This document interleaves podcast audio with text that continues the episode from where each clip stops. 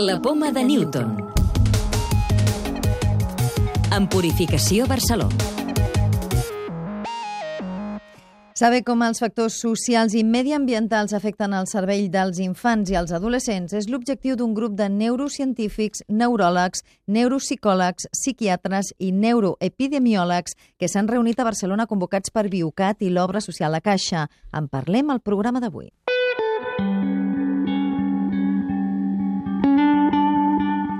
Aquests experts en epidemiologia i neurociència estudien, per exemple, si hi ha causes ambientals que puguin provocar algunes malalties o avançar-ne l'aparició i com alguns factors, com ara els productes químics, poden condicionar el cervell dels més petits durant tota la seva vida.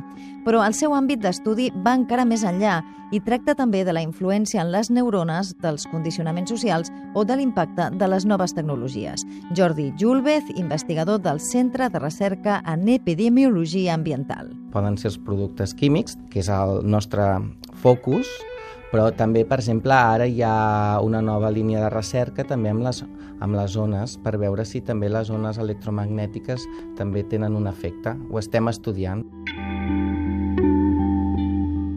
Els nens que utilitzen els mòbils, a vegades es creen altres tipus de problemes psicològic en el mòbil, com l'addicció a les tecnologies. I separar això de l'efecte físic potencial de les zones també és molt complicat.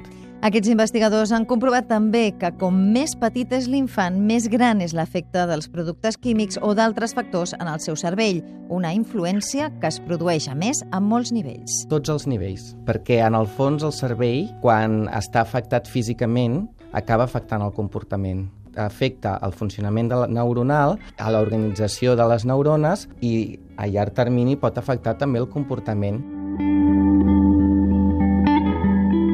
Que passa amb l'edat, el que estem trobant amb aquests estudis és que exposicions durant l'embaràs, per exemple, o els primers anys de vida, hi ha tant desenvolupament, hi ha tanta activitat biològica. Considerem que aquestes etapes són finestres de vulnerabilitat o oportunitat.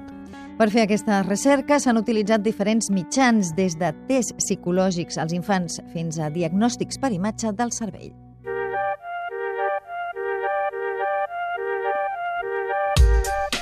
També us parlem d'una investigació de l'Institut de Ciències del Mar sobre com el plàncton ajuda a la formació dels núvols. Es tracta d'una de les recerques que es faran al mar de l'Antàrtida. Una trentena de científics intentaran esbrinar si el plàncton emet partícules que puguin ajudar a la formació dels núvols, el principal refrigerant del planeta. Investigadors de l'IRSI Caixa estudien per què hi ha persones exposades al virus de la sida que mai no s'infecten. Per fer aquesta recerca han desenvolupat una nova tècnica que detecta quins senyals del sistema immunitari poden protegir del virus virus.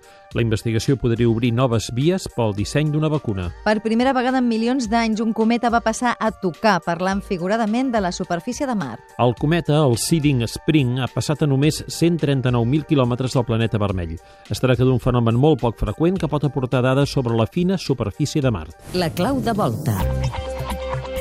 És cert que l'os polar té la pell negra? Sònia Garcinuño, de l'àrea de Ciència i Medi Ambient de l'Obra Social La Caixa. Aunque no lo parezca, sí. El oso polar tiene la piel negra. Tiene dos capas de pelo que lo recubren. La interior tiene unos pelos cortos y densos que lo aísla del frío y además repele el agua. Y la exterior tiene, son pelos largos y transparentes, vacíos.